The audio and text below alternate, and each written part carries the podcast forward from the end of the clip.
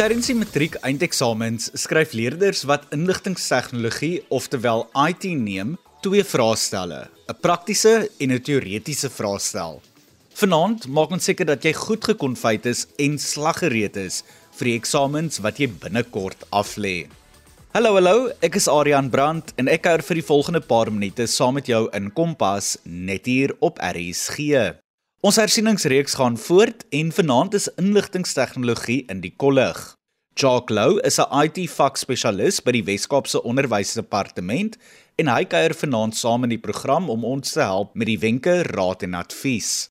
Ek hoop jou pen en notaboek is byderhand want ons val sommer dadelik in die pad en vraestel 1 is eerste op die spyskaart. Presteer, leer en blink uit met Kompas. Jock, welkom op Kompas en dankie dat jy vanaand saam met ons kuier en ons matrikulante help met hul inligtingstegnologie oftewel IT eksamen voorbereiding.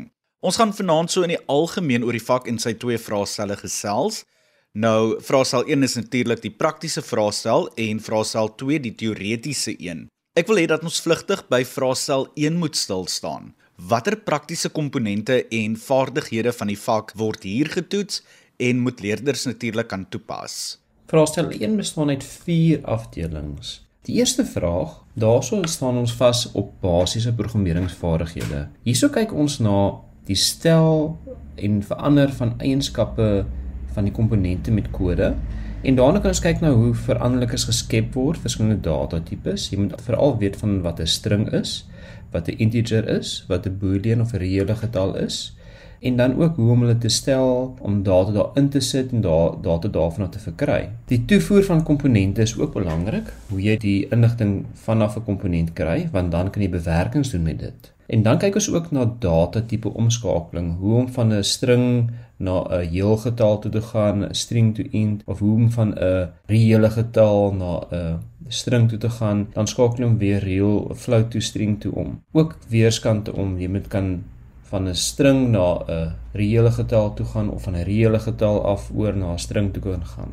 Die volgende aspek waarna gekyk word in vraag 1 is die geformateerde afvoer. Dis hierso waar ek byvoorbeeld vir jou sal vra om afvoer te gee in 'n formaat dat dit in kolomme moet wees of dat jy twee desimale plekke moet gebruik of drie desimale en 'n randteken vooraan sit. Daar's ook 'n klem op wiskundige formules of stringbewerkings wat plaasvind in die eerste vraag. Dit is nie ingewikkelde wiskundige konsepte nie. Hulle gaan baie keer vir jou die formule gee. Hulle sal vir jou die formule gee en vra om dit toe te pas. Dan moet jy weet waar om watter veranderlike in te gaan stoor, watter tipe prosedures jy moet gebruik of jy moet maal met 2 of jy die power of die mod of die div funksies moet gebruik en ook met stringbewerkings. Daarso sal jy gaan kyk na die lengte van die string, jy moet deur hom kan loop, sekere karakters kan uittrek, sekere karakters kan insit. Ehm um, dis als deel van die basisprogrammeerde funksies. En dan ook is daar 'n hele lys van ingeboude funksies en prosedures wat jy gevra kan word.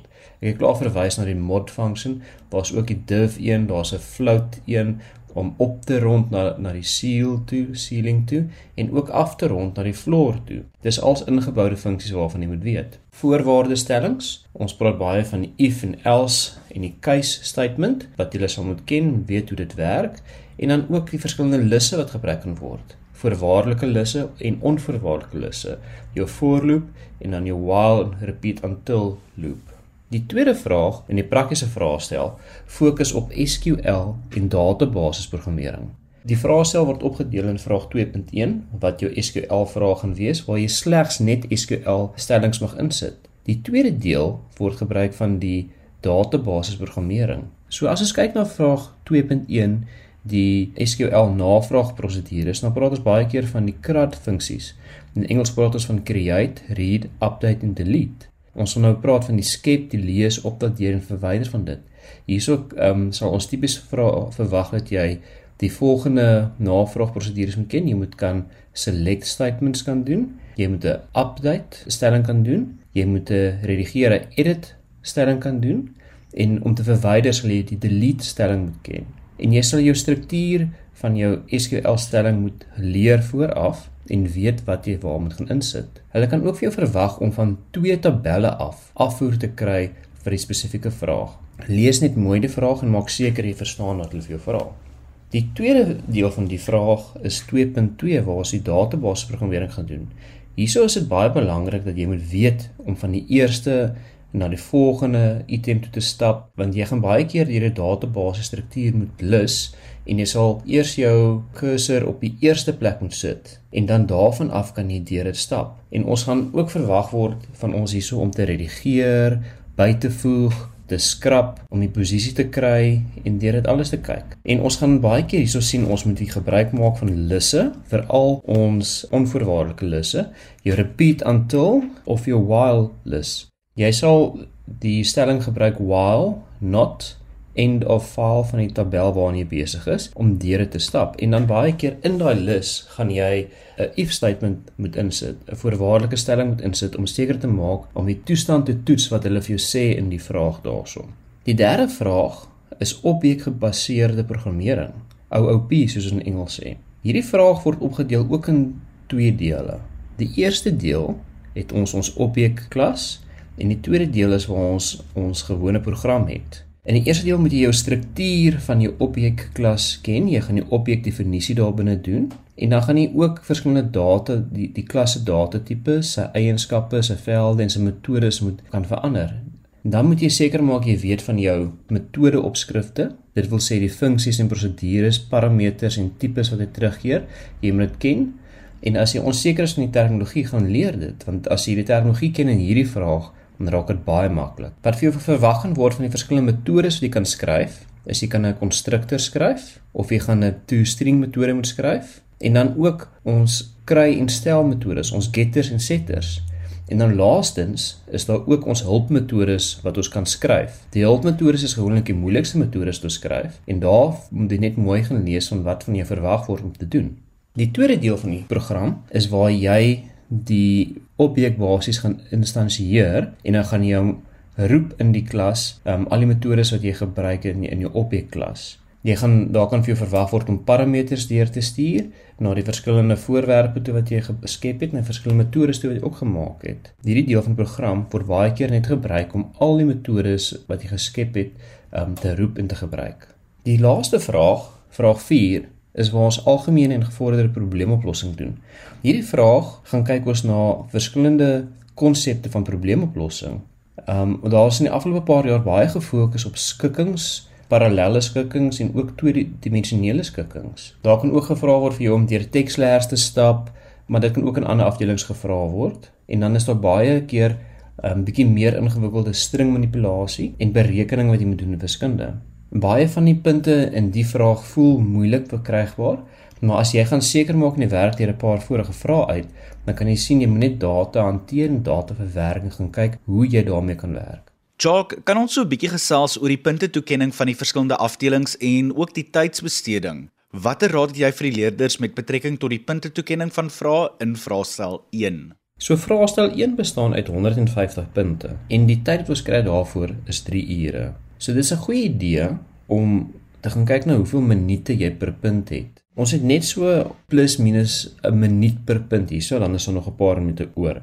Ons het 180 minute en 150 punte. As ons gaan kyk na die vraestel se afbreek en waarvoor die punte toegeken word, is afdeling A vraag 1 die basiese algemene en algemene programmeringsvaardighede. Dit is 40 punte, 'n plus minus, hulle kan so met 10 punte op of af gaan. Die volgende vraag, die database vraag, is ook 40 punte plus minus 10 wat hulle meer of minder kan gaan. En die objekgeoriënteerde programmering um, afdeling C van die vraagstel vraag 3 is ook 40 punte en die laaste afdeling is die algemene probleemoplossing 30 punte. Ek sou voorstel as jy gaan kyk na jou tyd vir elkeen van hierdie vrae dat jy die eerste vraag dat jy daarso ongeveer 'n halfuur sal spandeer en maak seker jy spandeer net 'n halfuur op daai vraag. Jy kan altyd terugkom na hom toe op 'n later stadium. Dan as jy by die volgende vraag kom, die database vraag, dan moet jy 30 tot 40 minute spandeer op hierdie vraag en dan kan jy weer terugkom na hom toe aan die einde as jy nog nie klaar is met hom nie.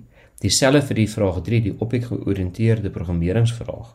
30 tot 40 minute en dan kan jy jou laaste vraag ook 30 minute aan spandeer. As jy dit doen, dan gaan jy jouself keer om nie vas te hak aan een spesifieke punt in die vraestel nie. En ek weet ons hou van probleme oplos as programmeerders en baie keer sien jy 'n probleem wat baie bekend lyk en wat jy al voorheen opgelos het, maar dan sit jy vas daarso vir 10-15 minute wat tyd kos waar jy ander punte kon gekry het. So stel vir jou 'n tydlimiet per vraag op en sê vir jou na 'n halfuur, na 40 minute gaan jy daai vraag doen en as jy nie klaar is op daai vraag nie, dan stap jy oor na die volgende een toe. Baie keer het jou brein net daai oomblik of twee nodig om te ontspan, om aan iets anders te dink en dan werk jy onderbewussyn nog steeds aan die probleem en dan as jy later terugkom daarna toe, dan is dit vir jou baie makliker om dit op te los en net 'n verskillende manier gehad om te dink aan dit. Ek gaan ook sê dat beplanning ongelooflik belangrik is, want as jy jou tyd benut saam met jou beplanning vir die vraag doen, dan behoort jy baie maklik genoeg tyd te hê om alles te beantwoord in gegeewe tyd wat daar beskikbaar is vir jou. Nou, Jock, ons moet seker gesels oor die moeilikheidsgraad of kognitiewe vlakke van vrae in vraestel 1. Wat behoort leerders te weet wanneer dit hierby kom? Wanneer ons praat oor die moeilikheidsvlak van 'n vraestel of die kognitiewe vlakke van 'n vraestel, moet daar duidelik onderskeid getref word tussen die twee van hulle. Die kognitiewe vlakke van 'n vraestel, die IT-vraestel, word opgedeel in 3 vlakke. By kognitiewe vlak 1 is 30% van die vraestel wat jy kan verwag om daar te wees en dit is basiese kennis wat jy moet onthou. So as jy gaan leer het, hoor jy dit kan toepas waar jy in vraestel 1 is. En dan die volgende 40% is kognitief vlak 2 wat bestaan uit verstaan, die toepas en analiseer van die vrae wat jy gekry het. So dit is bietjie meer dinkwerk wat betrokke is aan hierdie tipe vrae. Die laaste kognitief vlak, kognitief vlak 3, bestaan uit evalueer en skep van nuwe inligting. Dis die laaste 30% van die vraestel. As ons gaan praat oor die moeilikheidsvlakke van 'n vraestel, word die vraestel, die IT-vraestel, opgedeel in 4 moeilikheidsvlakke. Die eerste moeilikheidsvlak behoort 40% te wees, die tweede ene 32% ontrent, die derde ene 23% en die laaste een ongeveer 5%. Net om die moeilikheidsvlak van 'n vraestel bietjie meer te verduidelik, is daar vier verskillende tipe moeilikheidsvlakke waarna ons verwys. Die eerste ene is inhoudsmoeilikheid. Met ander woorde, die tipe inhoud wat jy gaan leer het, is dit moeilik verstaanbaar of is dit maklik verstaanbaar? Iets soos 'n gewone lus wat jy van graad 10 gedoen het, behoort al makliker te wees teen hierdie tyd. Teenoor waar jy 'n tweedimensionele skikking het, is dit nog bietjie moeiliker. Hoe meer jy werk met verskillende tipe komponente en datastrukture in 'n vraestel in programmering, hoe makliker gaan dit raak vir jou. Die volgende een is die stimulusmoeilikheid. Dit is basies hoe die vrae gevra word, gestel is deur die eksaminatore of die taal wat gebruik word in die eksaminatore. Hulle behoort die taalvlak en die vraag gestel te hê op die vlak van 'n graad 12 leerder van wat verwag word van jou. Die derde moeilikheidsvlak word bepaal deur die taakmoeilikheid. En dit is eintlik wat die leerder self bepaal hierso. Hoe moeilik maak jy die taak vir jouself?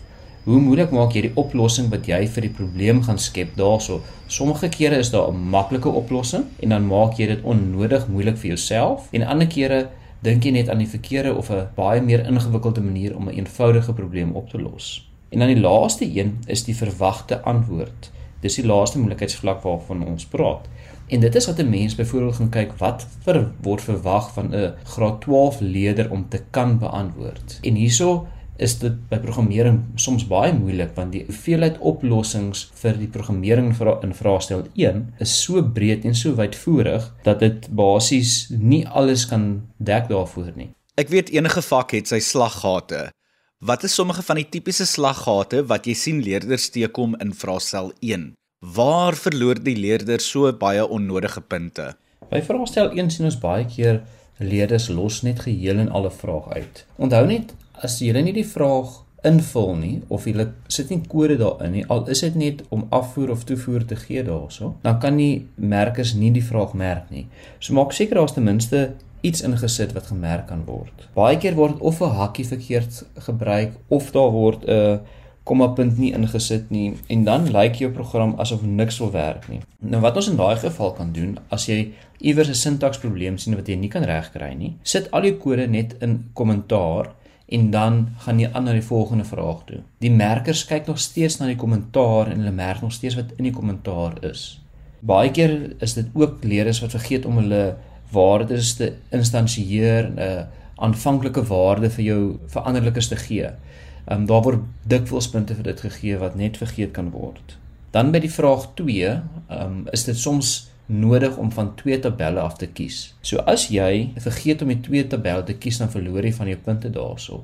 En dis dit is by die SQL moet jy jou een tabel, komma jou tweede tabel insit en dan kan jy ook jou jou primêre sleutel gelykstel aan jou vreemde sleutel by die where afdeling van van die stelling wat jy daarmee besig is. Dan die volgende ding is as ons met if statements besig is, dan moet jy gaan kyk na jou toetsdata wat jy gebruik. Daarso is drie tipes toetsdata waarna jy altyd moet kyk. Die een is die data binne die reeks wat hulle vir jou gee.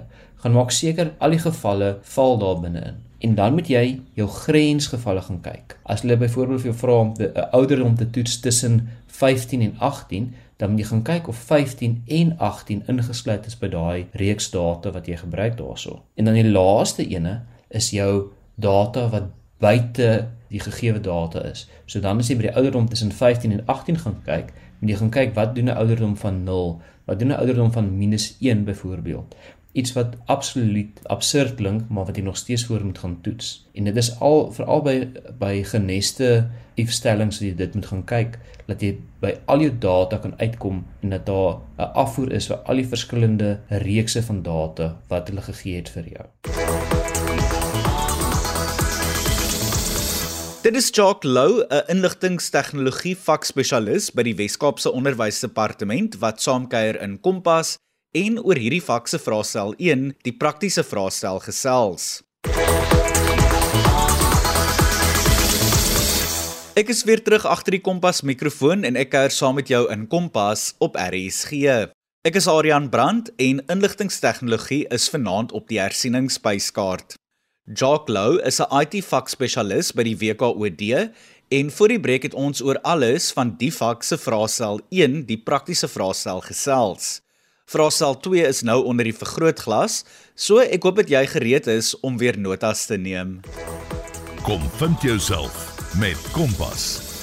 Jock, ons kom nou by vraestel 2 wat natuurlik die teorie vraestel is. Wat is die verskillende onderwerpe en inhoud wat leerders moet ken en wat geëksamineer kan word in die eksamens? Vraestel 2 is nou ons teorie vraestel en hierso um, bestaan die vraestel uit 6 verskillende afdelings. Die eerste afdeling, afdeling A, is 'n meervoudige keuse kortvraag. Ehm um, daarso word of jy 'n meervoudige keuse gegee, ehm um, gee definisie van die pas kolom A by kolom B, sulke tipe vrae word daar gevra. Die tweede deel is stelsel tegnologie. Hierso word gefokus op harde ware en sagte ware. Daar kan jy gaan verwag om die algehele verwerking van die rekenaar te beskryf. Wat is die SVE, die CPU se funksies? Gaan kyk na die masjien siklus, die komponente van 'n rekenaar, die moederbord, hoe vloei data tussen die verskillende komponente? Ehm um, wat is modulêre ontwerp van 'n rekenaar? Ons kan gaan kyk na verskillende tipes geheue, byvoorbeeld jou ewe toekomstige geheue, jou RAM of jou harde skyf spasies en die verskillende tipe harde skywe. Ons kan ook verwag word om te gaan kyk na bedryfstelsels en dan ook um, verwerkingstegnieke, multitasking, multithreading, multiverwerking wat jy kan doen en hoe dit mobiele rekenaars ook in hierdie kategorie inpas, soos byvoorbeeld jou slimfone, jou tablette, jou skootrekenaars en jy kan dit ook verwag word om dit te vergelyk met jou meer tradisionele rekenaars, selfs jou bedieners rekenaars ook. Die volgende afdeling C um, handel oor kommunikasietegnologie en netwerktegnologie. Hierbinne um, word daar verwag van jou om elektroniese kommunikasie implikasies daarvan te weet. Um byvoorbeeld hoe inligting beskerm word deur enkripsie, wagwoorde, toegang tot die rekenaars of die dienste um, en dan ook digitale handtekeninge, sertifikate en protokolle soos SSL wat, wat jy verwag word om te verstaan. Die rol van internetdienste en ondersteuning daarvan insluitend wolkrekenaars is ook onder hierdie afdeling 'n groot vraag wat gevra gaan word. En dan netwerke, ehm um, daar's baie oor netwerke wat hulle vra, verskillende tipes netwerke, die hardeware wat nodig is in 'n netwerk, hoe alle komponente gebruik word en waarvoor hulle spesifiek gebruik word. Die volgende afdeling, afdeling D, dit handel oor data en inligtingbestuur. Hierso sien ons baie dikwels um 'n database wat vir jou gegee word wat jy moet gaan kyk na die primêre sleutel en die vreemde sleutel of dit daar is of dit nie daar is nie wat jy sou voorstel dit moet wees. Dan gaan hulle ook meer in die ontwerp normalisering van 'n database Ehm um, en dan ook die alles wat database verwant is soos byvoorbeeld ehm um, bestuur van databasisse, verskillende beroepe met databasisse, datapakhuising en stoor van van dit. En hulle kan ook vir jou vra van verskillende voorstellings van inligting en data, die verhouding van van hoe data inligting word en hoe dit gebruik word om 'n besluit te neem wat weer kan lei tot enige spesifieke inligting wat vir vir die maatskappy of die bediener van ware sal wees. Die voorlaaste gedeelte van die vraestel afdeling E gaan oor programmerings en sagtewareontwikkeling. Hierso vra hulle vir jou baie keer om 'n algoritme te verstaan of een te skryf, um, te interpreteer, 'n bietjie pseudokode gebruik Hulle gaan ook hierso in die verskillende tipe diagramme wat jy moet ken, 'n klasdiagram, entiteitsverwantskap diagram, ERD diagram, vloeidiagram en dan jou jou naspeur tabelle, jou trace tables wat jy kan gebruik vir dit. Hulle mag ook vir jou so nou en dan 'n bietjie Delphi kode gee. Hulle sal nie van jou verwag om Delphi kode te skryf hierso nie, maar miskien interpreteer in 'n teoretiese sin met dit wil werk. En dan ook die laaste twee goeders is watter tipe validering verifikasies daar gebruik word en ook programmeringsfoute en probleme wat jy kan kry met programmering as jy daardeur gaan. Die laaste gedeelte, afdeling F van die vraestel, handel oor 'n geïntegreerde scenario. Hierso word alle dele van die kurrikulum verwag en in een groot vraag saamgevoeg. Hulle gaan kyk baie keer na hoe rekenaars effektief gebruik kan word, wat is die kwessies met betrekking tot gebruik van rekenaars, sosiale kwessies met dit, die intellektuele eiendom, ehm um, die beskikbaarheid van inligting en dan is daar ook 'n groot een wat hulle mag vra is kunsmatige intelligensie en wat die gevolge daarvan is. Een van die baie aktuelle sake op die oomblik. Ek is seker of van dat vraestel 2 ook sy eie slaggate het. Wat is sommige van die slaggate wat jy sien leerders in vraestel 2 mee klei trap? As ons kyk na van die probleme of die slaggate wat leerders kry in vraestel 2. Ehm um, ek sou sê begin by die eerste ene is asseblief skryf netjies want die merkers kan net merk wat hulle kan lees. As die vrae um, nie duidelik geskryf is nie of die letters is dubbelsinnig by die multiple keuse ingevul, dan gaan dit ongelukkig nie kan regmerk nie. Die volgende ene is bly by die terminologie wat ons gebruik in die vak. Um IT is 'n wetenskaplike vak, so dis 'n wetenskaplike terminologie wat jy kan gebruik daaroor. Maak seker jy gaan deur die bylae in die handboeke om die spesifieke definisies van die komponente van rekenaars en al terminologie te kan deurgaan sodat jy die die wetenskaplike terminologie kan gebruik in jou vraestel. Die volgende hinderlaag is, is baie leerders skryf die komponent is vinniger of dit is goedkoper. Moenie dit net as 'n blote stelling neerskryf nie. Kwantifiseer altyd jou stelling. Met ander woorde, as jy sê ewe kansige toegang geheue is vinniger as wat? Dis vinniger as jou gewone harde skyfspasie. So maak seker jy tref 'n vergelyking teenoor iets.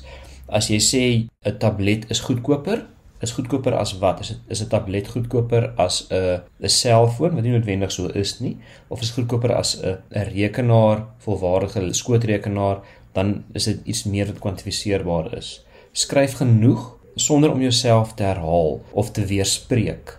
Want as jy jouself weerspreek, dan gaan jy die punt verloor wat jy aanvanklik gekry het vir dit. Um en dan lees wat die vraag is wat gevra word. Um baie keer lees ons die eerste deel van die vraag en gaan jou kop al klaar in een rigting in wat nie noodwendig is wat gevra was in die eksamen nie. Want hulle sal baie keer sê noem 'n voordeel van 'n CPU behalwe vir spoed. En dan die eerste ding wat die leerder sal skryf is dit is verspoed. So maak seker jy skryf nie daai behalwe voordeel neer as die een wat hulle vir jou gesê gesê het nie. So maak seker jy verstaan die vraag. En dis hoekom as jy klaar deur die vraestel gewerk het en jy lees weer deur die vraestel, as jy tyd het toelaat, dan lees jy die vraag weer aandagtig deur. Jy kan sommer omkring en highlight en streepies trek dat jy kan verstaan wat hulle wil hê uit die vraag uit en dan vergelyk jy jou antwoord met wat in die vraag is dat jy seker maak die twee pas by mekaar. Dran Jock Lou, 'n inligtingstegnologie vakspesialis by die Wes-Kaapse Onderwysdepartement wat saamgekyer het in Kompas en IT-hersiening met ons gedoen het.